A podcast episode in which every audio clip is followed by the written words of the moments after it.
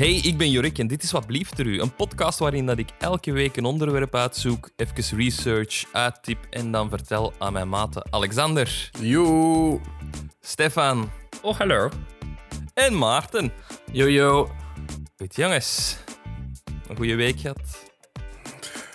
Werk heel Saai. mannetje. Feest. Jullie werken allemaal nog. Ja. Ja, jij, ja, ja. De meeste. Ja, ja. Jij zit gewoon thuis op je gat. Ja, boah. Tof, hè? Hij kan gewoon werken, hè. hij wil gewoon niet. Ja. Sst. Ik ga gewoon beginnen met het onderwerp, want allee, ik weet niet of dat dan lang is. Zullen we eens Piet weten, hè? We nadien nog wat small talk doen. Hè. Het is de dat recht down to business, boys, down to business. Dat waren mijn handen dat tegen elkaar klapten, geen vuile dingen. André Stander was de zoon van een majoor-generaal Frans Stander. Hij woonde in Zuid-Afrika en werd al op jonge leeftijd door zijn vader onder druk gezet om bij de politie te gaan. Op de politieacademie blonk hij uit en in 1964 werd hij uitgeroepen tot de beste recruut.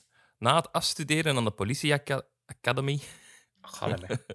Academy, politieacademie in Pretoria, trad Stander toe tot het eh, reguliere korps en werd hij naar Johannesburg gestuurd.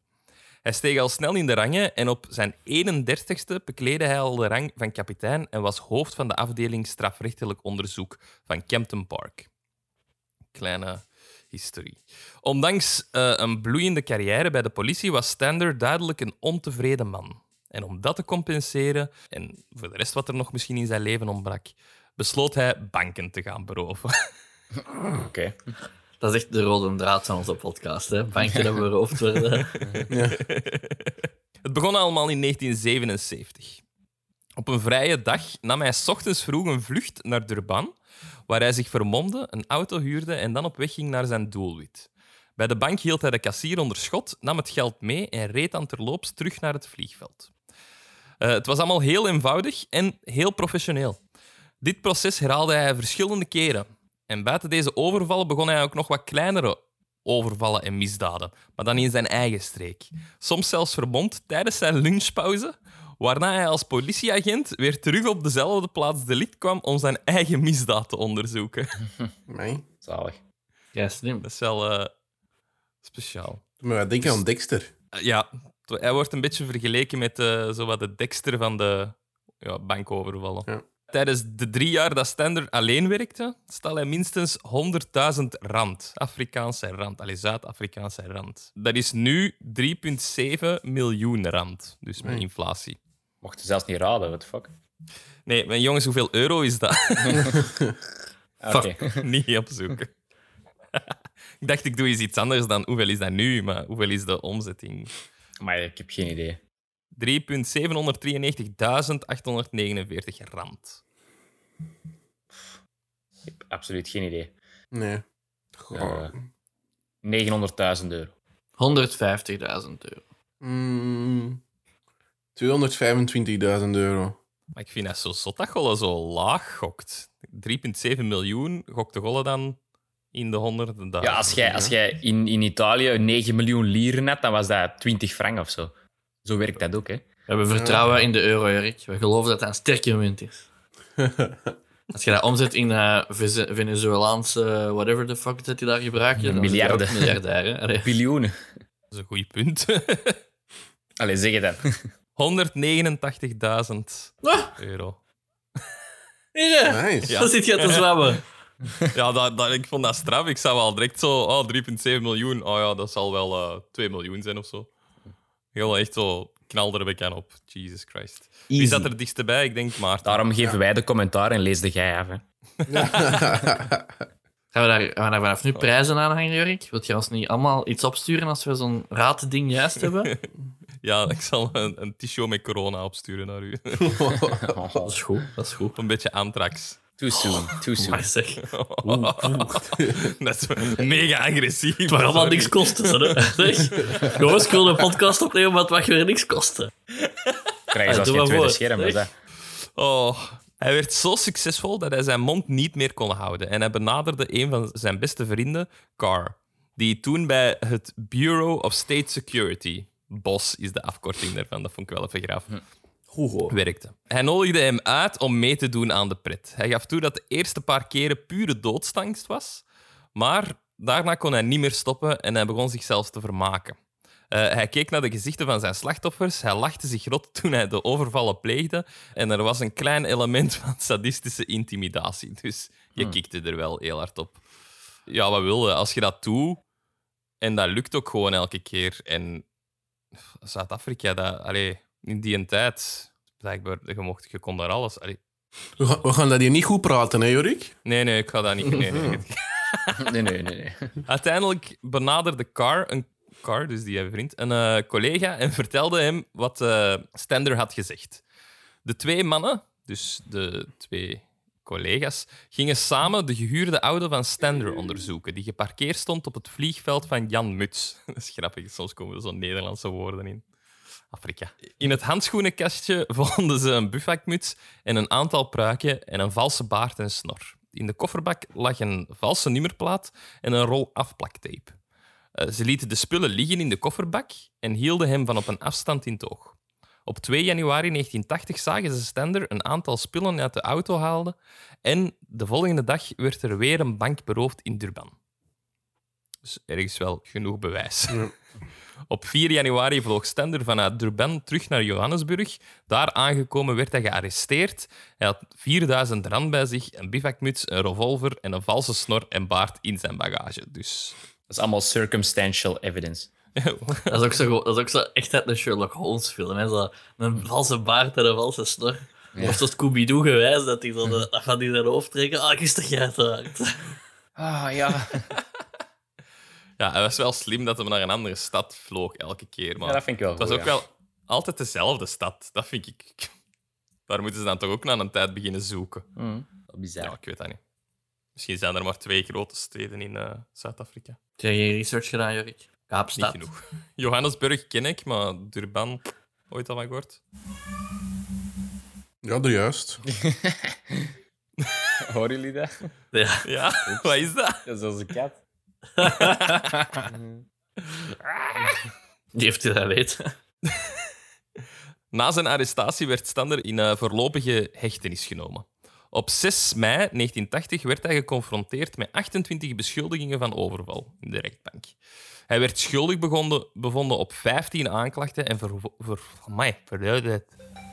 Wie is een gsm gaat eraf? Wie is een gsm De gaat B. eraf? Maar hij is waarschijnlijk. Hè. Godverdomme. Ze is aan het bellen naar de kat dat hij moet zwijgen. Hij werd veroordeeld tot een totaal van 75 jaar gevangenisstraf. Maar aangezien dat sommige van de veroordelingen tegelijkertijd zouden plaatsvinden, dus die krijgen zo zoveel jaar voor dat, zoveel jaar voor dat, maar die zet die tegelijkertijd uit.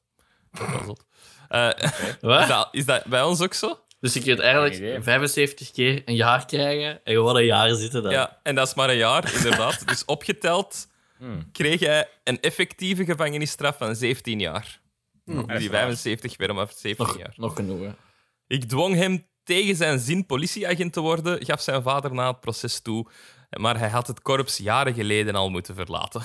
no shit, Sherlock. Dus politieagent dat crime gaat doen, perfecte cover-up. Ik vind dat wel echt slim. Ja, uiteindelijk is dat wel goed, want inderdaad, als je nadien gaat langsgaan om te zien wat is gebeurd, dan kunnen we zo wel wat wegfoefelen als je zo denkt, oh shit, dat is ik vergeten of zo. Dan, Ja, eh, voilà. dat Inderdaad. is echt wel... eh, Zou, zouden er meerdere politieagenten zo... ik denk wel dat er Ja, veel politieagenten corrupt zijn. Zo. Ja, ik denk inderdaad misschien minder extreem zoals banken overvallen, maar zo ja, geld aannemen of allee, Ja. zo van die toestanden. De Antwerpse haven of zo. Echt, dat is zo voor elk verhaal dat je zo vindt, dat er ook wel zo vijf of zo zijn die daar nog niet... allee, of die dan nooit aan het licht zullen komen. Omdat die echt Mm. Ja, goed in, in, in Slim genoeg zijn. gecoverd. ja de, de perfect crime gaan we nooit weten. Ja. Of ook als je zo één keer, Oh, ja. als je zo één keer iets doet en zo'n een, een, gewoon een semi-big haul of zo, en je zegt voor je eigen, ah, het is genoeg geweest, dan gaan die dat nooit weten. Hè. Het is altijd omdat die gasten meer en meer willen, dat die gepakt worden. Ja. Hè. Maar zullen er wel zijn die dat zo één keer iets hebben gedaan en dan zo, oké, chill, pensioentje. En gaat je nooit weten. Hè. Voilà. Dus zo zou ik het doen. Goed luisteren, hè? jongens en meisjes. Kijk uit, ik denk dat heel veel van als je dat doet, de kick en de, de adrenaline en zo de. Oh, ik heb nu zoveel geld ineens. Ik denk dat dat een hele harde aanzet is voor dat nog eens te doen. Hè, je wilt altijd meer geld ten eerste. En dan je wilt ook nog eens die kick. En gewoon het idee van shit, ik ben ermee weggeraakt. Ik kan dat, ik ben God. Ik, allee, what the fuck, ik kan dat. Ik doe dat nog eens. Want ja, dan, dan, inderdaad, als je je eigen niet kunt inhouden en je koopt een auto en een boot en bekijk het en je geld is op en dan zeg je, oh ja, ik ga nog wat terug doen. Dat ging toch gemakkelijk dus. Ja, voilà. Maar in die tijd, in de jaren 70, kon dat allemaal. We zijn echt in de verkeerde tijd en in het verkeerde land geboren, jongens. Ik had, ik, dat was echt... Ik denk, als ik niet bezig was geweest met video, dan had ik misschien wel zo Crime. Master Thief willen, willen zijn. Zo. Ik zie zo Jorik als Master Dief zo naar de, naar de kruidvat een zakje met snoep vullen en net dan zo wegvoefelen. En dan zo zijn eigen, oh ja, nog eens, nog eens. Another successful heist. Another one.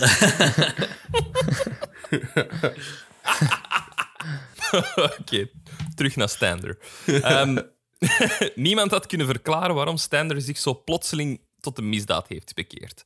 En, eh, een deel van de reden kan zijn geweest dat het huwelijk van Stander in deze tijd ook onder druk stond. Hij had zijn vrouw Leonie voor het eerst ontmoet in 1967. Ze trouwden in 1969 en scheidden twee jaar later in 1971. In 1975 hertrouwden ze. Oké. Oké. Maar Leonie verliet hem weer in 1978. Oké. Dus ehm, hoe lang zijn die samen? Twee jaar en terug uit elkaar. Dan hup, terug twee jaar, hup, terug uit elkaar.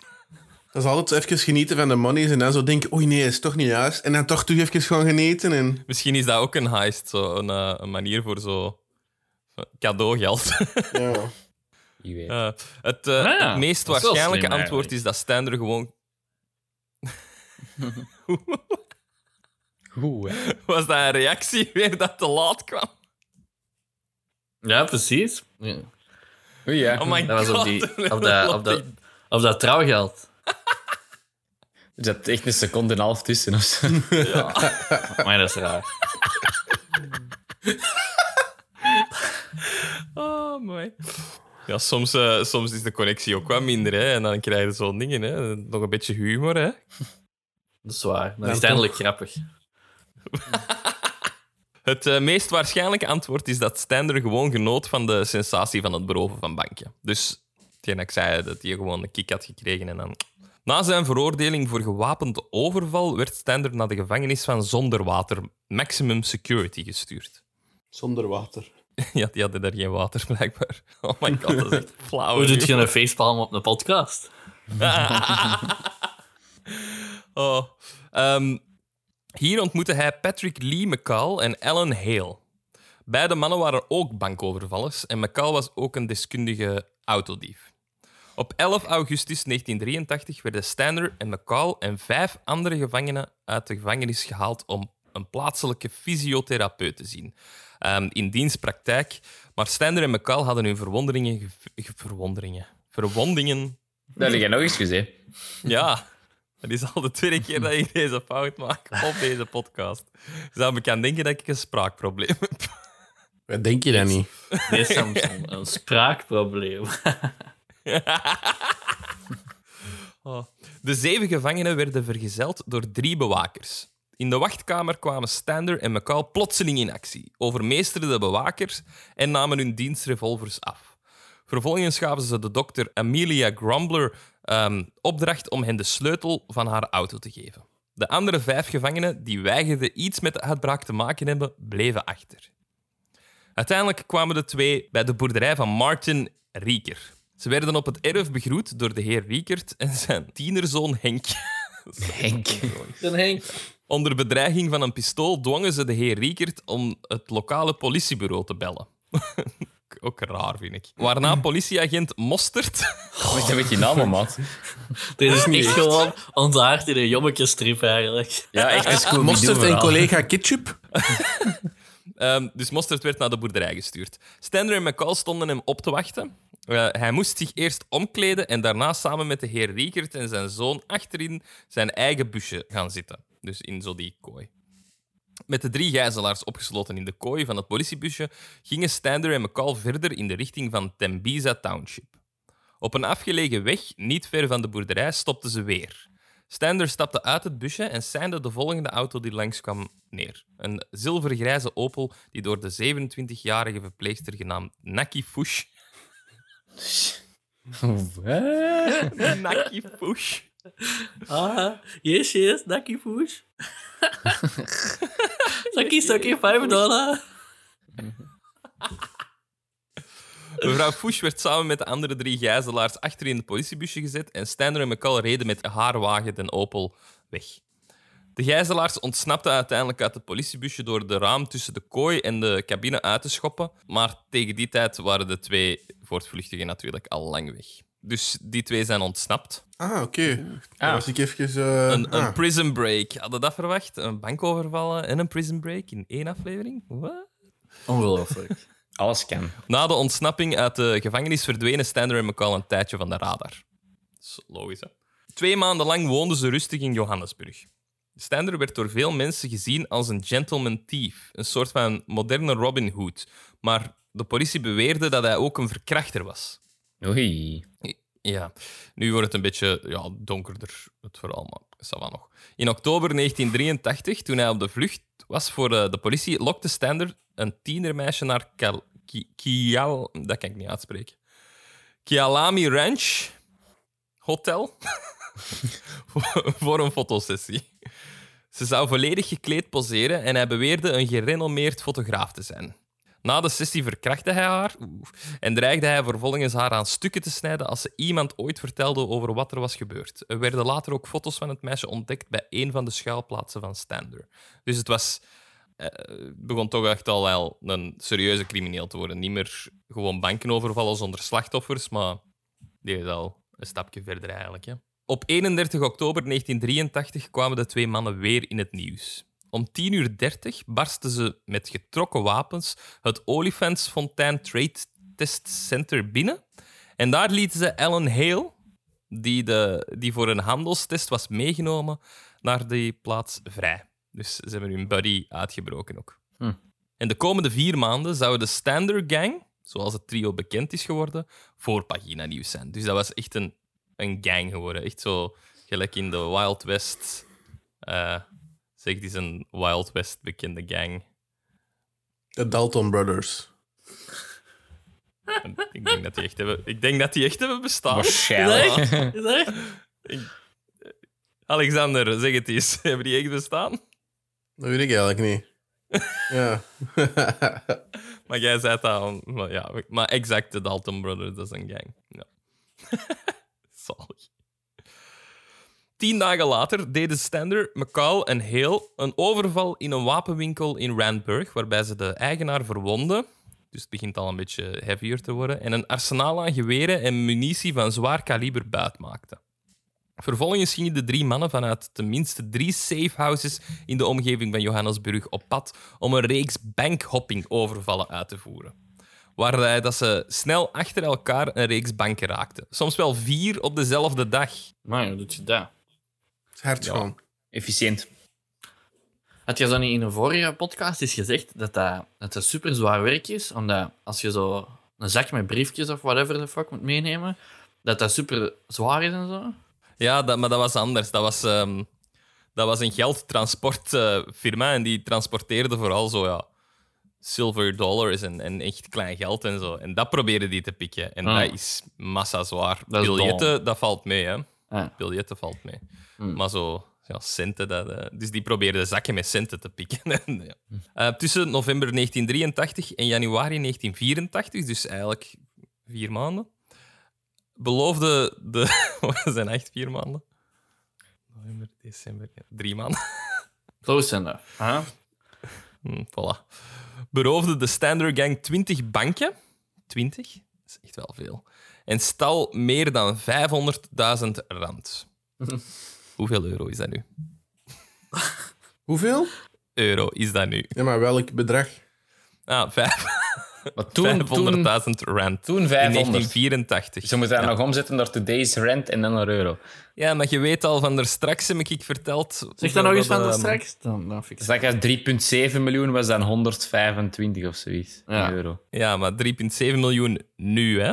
Ja, Ja. En hoe- hoeveel ik was dat toen, die 3,7? Eh, Heb je al geluisterd naar 189.000. Dat ben ik ook al vergeten. Ah. 189. Toen stal hij 100.000 rand, wat nu 3,7 miljoen rand is, en 189.000 euro. Ah, zo, ja. Stefan eerst. Ik, was, ik zag dat jij wordt aan het denken, ik was zelfs niet aan het meedoen. Nee, ga ze aan het eten, ja. Daarom, ik wil, ik wil niet dat jullie bij, bij het denkwerk gewoon pikken. 5000 Misschien nu. met de rest. Ehm, Hoeveel, Alexander? Dus wacht, nee, dus 5000 van toen, hoeveel het dat in euro nu is? Vijf- 500.000. 500. 500.000 toen. Ja. Nee, mannetjes, het is, te, het is te vroeg voor zoiets. Hè. Je moet gokken, hè? Je mag gokken, hè? Je moet niet echt rekenen, hè? Ja, dat gaat echt niet veel zijn, hè? Jawel, toch? De, juist- de vorige keer was dat maar... Wat was het, was het oorspronkelijke rentbedrag? 100.000? Of... 100.000. En nu is het 500.000. Nou, Ah ja, gewoon maar 5. Ah, we moeten zien in die rent hoeveel dat nu is. ongeveer maal vijf, ja, zoiets is het. 18 miljoen. 17 miljoen. Rent. Dus dat is 600.000, 650.000 euro. Ik ga voor 875.000 euro en 23 eurocent. Yes. Hoeveel had jij gezegd, Stefan? Dat ga ik niet zeggen. Bij mij is het 450.000 euro. Ah. Jorik, is, nu moet- is dat nu op de uitkomst te zeggen? ja, wacht, ik ben, ik ben niet aan het is zelf nog de berekening aan het maken. Dat is geen goede research, hè? Zo die meme van al die cijfers. Zo. dat zag ik echt in zijn ogen. Maar Die zegt dat nu ineens kei weinig is. Hoe kan dat nu? Ja. Wat wel had je al een zakje in het zakje zitten, maar... Dus 22 cent. Ah nee, wacht, wacht, wacht, wacht. Ik moet dat nog omrekenen naar dingen, hè. Naar, eh, met de inflatiecalculator. Ik kan gewoon even herberekenen voor de zekerheid. Gewoon dat ik gelijk heb, Jorik. Ja, want de jaartallen verschilden ook wel natuurlijk.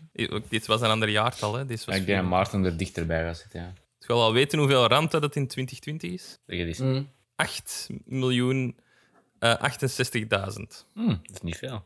Dat is niet veel. Dan ga Alexander het juist hebben. Ja. Zuur. Spannend. Oké, het antwoord. Hoeveel had jij gezegd, Alexander? 450.000. Het antwoord is 401.229. Shit, zeg. De Zwanzer. Dat was mijn eerste keuze, maar ja, kijk. Zeer, zeer mooi. Wel goed voorbereid, ook, Jorik. Dus, eh, maar, eh, oké, ze hebben op, op, op drie maanden een half miljoen, eh, je, een half miljoen ehm buit gemaakt. Is dat veel voor te delen door drie? Ja. Voor verdient jij op drie maanden, Jorik. Ja, oké. Toch eh, realiseerden de drie mannen zich dat de, de tijd eigenlijk voor hun opgeraakte. Hè? Je kunt dat niet blijven doen. Stender zelf was meer dan eens in de buurt gekomen van een arrestatie. Ehm, dus hun antwoord daarop was om naar het buitenland te gaan. En eh, daarom waren de drie mannen van plan een jacht te kopen. een boot. Tegen het einde van 1983 zagen ze al een schip dat ze wouden kopen bij de Royal Cape Yacht Club in Kaapstad. Ah ja, Kaapstad, dat is ook Zuid-Afrika. de Lily Rose. Maar ook in januari, dus eh, in januari 1984 begonnen ze de onderhandelingen over de aankoop van dat schip. Maar ook in januari was het dat de politie een belangrijke doorbraak kreeg toen Astander McCall en Heel werden gefot- gefotografeerd door verborgen videocamera's tijdens een bankoverval. Voor het eerst sinds dat de drie mannen uit de gevangenis kwamen, had de politie eindelijk goede, recente foto's van hen. En die foto's werden op 25 januari gepubliceerd, 1984. Dus eh, nu gaat het ineens in vijfde vitesse. Op 27 januari vloog Stander met een vals paspoort naar Fort Lauderdale in de VS. Zijn taak was om daar de verkoop van de Lily Rose te regelen. De, de- hier snap ik het niet goed. Die zijn op zoek naar een manier om het land te verlaten en willen een boot kopen, volgens dit artikel. Maar die Stander kan wel gewoon naar Amerika vliegen. Ah. Waarom doen die niet gewoon dat? Dat is traceable misschien. En een boot... Ja, dat is Allee, waar. Ja. Als je gewoon zelf een boot hebt, dan gaat je misschien makkelijker gewoon gaat je en staat je waar dat je wilt. En als je moet vliegen, dan moet je een vliegtuigticket kopen en checken wie dat je bent. Dat is kei logisch. Allee. Oh my god, Jurik. Oké, oké, oké. Jij Allee, domme dat is echt-. Oké, oké. Je hebt gelijk. Terug in Zuid-Afrika leidde een tip eh, naar aanleiding van de publicatie van de foto's de politie naar een van de safe houses in Sixth Avenue. eh, in Newton. Ook nog nooit van gehoord. Maar. Veel hulp bij het identificeren van de safe houses kwam naar verluid van escortmeisjes die door de leden van de bende in dienst waren genomen en naar hun schuilplaatsen werden gebracht. Op de dag nadat Stander het land verliet, dus naar Amerika vloog, werd de plaats uitgekampt en in de, vroeg, in de vroege uren van 30 januari 1984 kwam een politieteam in positie met scherpschutters en al ehm, om daar ja, de, de, de joint zo te... Onder... Hoe zeg je dat? Amai, eh, de, de, de binnen te vallen. ik heb even een beroerte, denk ik. Om binnen te vallen, dank je. Jezus. Om, eh, om vijf uur s morgens werd de stilte in de buurt verbrijzeld door een luidruchtig geluid. Mooi gezegd. De boodschap van de politie was... Wie verbrijzeld. zegt dat? De stilte werd verbrijzeld. Letterlijk nog niemand horen zeggen. Hij heeft hem zelf geschreven, vond dat mooi. Ik denk dat ook. ik Denk dat ook. Artistieke vrijheid. Zo'n momentje, Herman Brusselmans. hè. Ons haar is toch allemaal te lang en te vettig, dus eh, even Herman Brusselmans in ons eigen naar boven. Hupsa. Laat mij eens doen. Ik word zo onze Erik van Looy. Gewoon altijd uh, Afgeven. uitkijken. Afgeven. Dank u, dank u. De, de boodschap van de politie was duidelijk en simpel. Ga het huis uit of verschieten. Eh McKell was alleen binnen. En hij was vastbesloten om vechtend ten onder te gaan, in plaats van zich gewoon over te geven. Hij begon op de aanvallers te schieten en er volgde een enorm vuurgevecht, waarbij de politie uiteindelijk granaten in het huis gooide en naar binnen stormde. Eh, ze vonden McKell naakt in de hal en hij was al dood. Oké. Waar, waarom naakt? Ja, ik weet dat niet. Dat, dat doet mij echt denken aan zo die, een- die een, ehm, van GTA 5 met zijn, met zijn haar zo. Trevor. Trevor, dat was het, ja.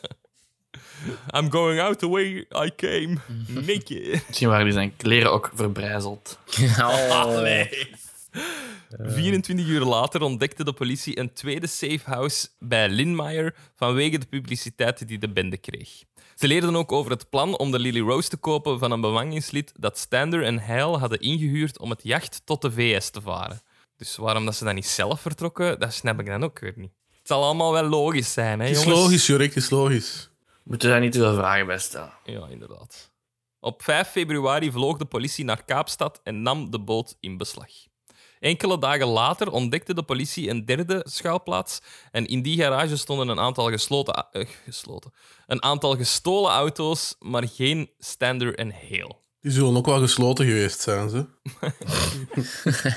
Stander was nog steeds in Amerika en tien dagen nadat McCall was vermoord, werd Stander door de politie van Fort Lauderdale gearresteerd voor het besturen van een auto zonder rijbewijs, een Ford Mustang, die hij van een tweedehandshandelaar had gekocht. En voor het vervalsen van zijn rijbewijs ook. De auto werd in beslag genomen door de politie en Stander, die beweerde een Australische auteur te zijn met de naam Peter Harris, werd gefotografeerd en terug vrijgelaten. Oh. Ja, lang leven de wet. Diezelfde nacht brak hij in bij de politie en stal de auto terug. De volgende ochtend bracht hij hem terug naar de handelaar en vroeg hem om hem opnieuw te laten spuiten in een andere kleur. Helaas voor Stander had die handelaar diezelfde ochtend nog in zijn lokale krant over de heldendaden van de Stander Gang gelezen, net toen die Peter Harris zijn kantoor binnenliep. Dus ja, die heeft voor hem de krant met de foto en ziet dan die mens gewoon in zijn dingen staan, in zijn garage staan. Ja. Op het moment dat Stander terug vertrok, nam de handelaar direct contact op met de politie. Dus de politie weet. Duidelijk. The wait. Zo weet. Eh, die nacht omsingelde een elite tactisch team het appartement van Stander. Om half elf kwam Stander aan op de fiets. Grappig. Hij kwam oog in oog te staan met officer Michael Stetina, maar probeerde nog snel te ontsnappen. Er was een korte strijd om Stetina's geweer en Stander werd neergeschoten. Verbrijzeld. Verbre- oh. Hij bloedde dood op de natte oprit eh, naar zijn flatgebouw terwijl hij wachtte op een eh, ambulance. Dus dat is het, eh, het einde van Stander. Dus, twee down, nog eentje over. Na de dood van Patrick Lee McCall verliet Ellen Hale eh, Zuid-Afrika en verhuisde naar het pittoreske Griekse eiland Hydra. Heel Hydra. Of zeg de Hydra. was Gewoon Hydra. Van Hydra vloog hij naar Engeland. En daar schakelde Heil de hulp in van een kleine crimineel genaamd Billy Williams. Williams zou Heil helpen geld en waardevolle spullen terug te vorderen die in Groot-Brittannië verstopt waren. Maar eh, Williams nam eerst alles wat hij kon voor zichzelf en ging daarna naar Scotland Yard en gaf de politie de nieuwe identiteit van Heil. Dat was Philip John Ball en zijn adres in, de, in het Verenigd Koninkrijk. Vind ik wel. Mooi gespeeld. Dus niet lang daarna werd Heil gearresteerd bij het huis van zijn vriendin in Surrey, Engeland. In mei 1985 werd Ellen Heil veroordeeld tot negen jaar gevangenisstraf. Amai, strap. Dat is een strap vooral. Punishment by strap-on. Strap. Gevangenisstraf voor gewapende overval en illegaal bezit van een vuurwapen. Na de arrestatie van Heil probeerden de Zuid-Afrikaanse autoriteiten hem nog te repatriëren, ehm, om dan ook in Zuid-Afrika aangeklaagd te worden, ondanks het feit dat er toen geen uitleveringsverdrag tussen Groot-Brittannië en Zuid-Afrika bestond. Voor een tijdje ging, eh hing Hales lot in de weegschaal. In 19, dec- ugh, in 19 december, in december 1986 werd deze kwestie eindelijk opgelost toen de Britse regering aankondigde dat Heil in Groot-Brittannië zou blijven. Hij werd midden jaren 90 vrijgelaten en terug uitgeleverd aan Zuid-Afrika, waar hij op beschuldigingen van overval terug gevangen werd gezet. En hij kwam uiteindelijk toch vrij in 2005 en veranderde zijn leven drastisch. Hij werd een, eh, een flinke burger en hij gaf zelfs motivational speeches. Hij leefde eigenlijk een beetje over het feit dat hij de laatste lid is van de Standard Gang. Hij heeft er ook boeken over geschreven. En ja, ik krijg dan veel documentaire interviews, dus die mensen die zal er wel van hebben kunnen leven gewoon. En dan, eh, een maand geleden, exact bijna, eh, op 17 april 2020 stierf met hem ook de laatste overlevende lid van de Standard Gang. Oh, Voilà, dat was het verhaal van de Standard Gang, jongens. oké. Wauw. Ooit al van gehoord? Nee. Nee. Niet. We hebben weer iets geleerd vandaag. Dank u wel. Dankjewel, Jorik. Ah, dank je. Om, om ons te onderwijzen. Van de school gaat het niet komen, hè, dus. Drie van onze vrouwen zijn leerkrachten. Tijd om naar onze safe house te gaan. Oh.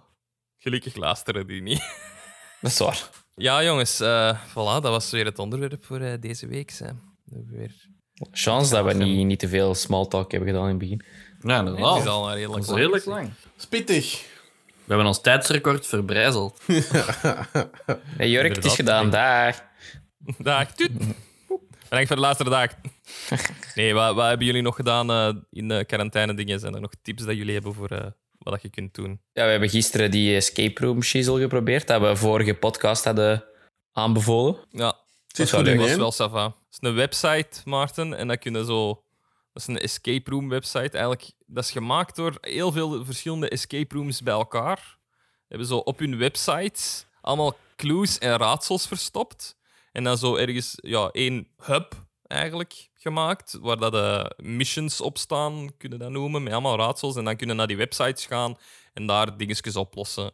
En zo zijn dat een heleboel kleine raadseltjes dat je kunt doen. Dat was wel plezant. leuk. Dus het is een tijdverdrijf. Het is gratis ook. Nice. Een aanrader. Big Pursuit. Ik heb mijn eigen quiz gemaakt. Uw eigen wat? Mijn eigen quiz. Voor als er mensen zijn die zich vervelen, dan kan ik eh, quizmasteren op, op Zoom of weet ik veel wat. Voor groepjes mensen Echt? die dat leuk vinden. Ja? Jij hebt zelf ineengestoken. Ja? Tien rondes. Cool. Nice. Dat is ja, leuk. dus als, Misschien jullie, moeten we- als jullie zin hebben, wil ik wel. dat eens doen. Hoe lang duurt dat? Ja, dat weet ik niet. Vanavond ga ik eh, met, mijn, met mijn familie piloten. Ah, dat is leuk. Ah ja, dat is goed. Ik zal eens, ik Maar misschien moeten we dat opnemen als een, eh, als een bonusaflevering. zal eens even zien welke, welke rondes dat ik heb. Hè. Wacht, hè. Dus, we hebben... Het is zo redelijk ehm, algemeen, zodat het eigenlijk voor iedereen gecaterd is. En het idee is dan... Ik heb acht rondes, denk ik, die dat zo eh, altijd blijven. En dan heb ik twee rondes die dat ik aanpas naar de groep mensen dat hem doe. Dus- Dus en, en ik zal het even overlopen. Ja. Dus de eerste ronde is gewoon tien algemene kennisvragen, maar dan zo wel zo wat grappige. Dus wel lachen. Ronde twee is een scavenger hunt. Ah, Dat is eigenlijk, heb ik vijf items. Eh, bijvoorbeeld iets dat goed ruikt of zo. En dan komt dat op het scherm en dan moet eigenlijk elk team zo snel mogelijk in zijn huis iets gaan halen dat, ehm, ja, dat goed ruikt. in Ja, leuk. Ja. Eh, dan is er een fotoronde, die dat ik dan zo wat aanpas aan het volk dat komt, zodat dat zo nog wel een beetje grappig is. Ehm, dan ronde vier zijn allemaal soundtracks. Gewoon een Spotify-playlist dat ik dan laat horen. Ehm, ronde 5, kun je wel, je hebt gezien, er circuleren zo via WhatsApp en toestanden, dus allemaal van die emojis. En dan moet je zo de film raden dat dat voorstelt. Hmm. ja. Nee, nog niet gezien, precies. Dus daar, daar heb ik Nee, een ronde niet. van. Dan heb ik ehm, celebrities als ze jong zijn. Ehm, een logo-rondetje. Dan ronde 9 zijn eh, filmposters, waar dat je dan de film moet raden. En dan heb ik een puzzelronde gepikt van het slimste mensspel. Maar is een serieuze quiz. Ja, ja. Ah, hey, laat weten hoe lang dat duurt en eh, of dat plezant is. Ja, voilà. Dat, eh, vanavond doe ik dat met familie. Dus, Ik eh, wil dat sowieso wel doen. Goed, alright. We gaan eens afsluiten, hè, want we zijn echt al... Ja, de langste aflevering tot nu toe. Ja, moet nog wat gekut worden. Ik heb al twee keer mijn microfoon laten vallen, Jurk, en dat zaagde wel een beetje. Godverdomme. Dat is wat ik daaraf zeggen. Bonne chance om het te vinden. Veel plezier ermee. Oké, eh, merci voor het luisteren iedereen. Eh, blijf gezond, blijf binnen. Eh, zelfs nu dat het terug beter weer gaat worden. Wij hebben een zwembadje gezet in onze hof. We hebben toch chance mee, Jurk. hè? Het is jammer dat je volgende week vrijdag moet gaan werken, hè, Jurk. Ja. Dan kom ik vrijdag af met Marijke. ja, ik eh, ben Jorik en merci voor het luisteren. Ik geef door aan Alexander. En ik was Alexander. Tot de volgende. En nu moet jij het doorgeven, hè, maat. Maarten. Eh, ik was en ben nog steeds Maarten. Merci om te luisteren. Stefan. Eh, zeg dag bedankt, jongens. Hou jullie veilig. En ciao. Houdoe! Merci, hè, tot volgende week. Hoi, yo. Wat blijft er u?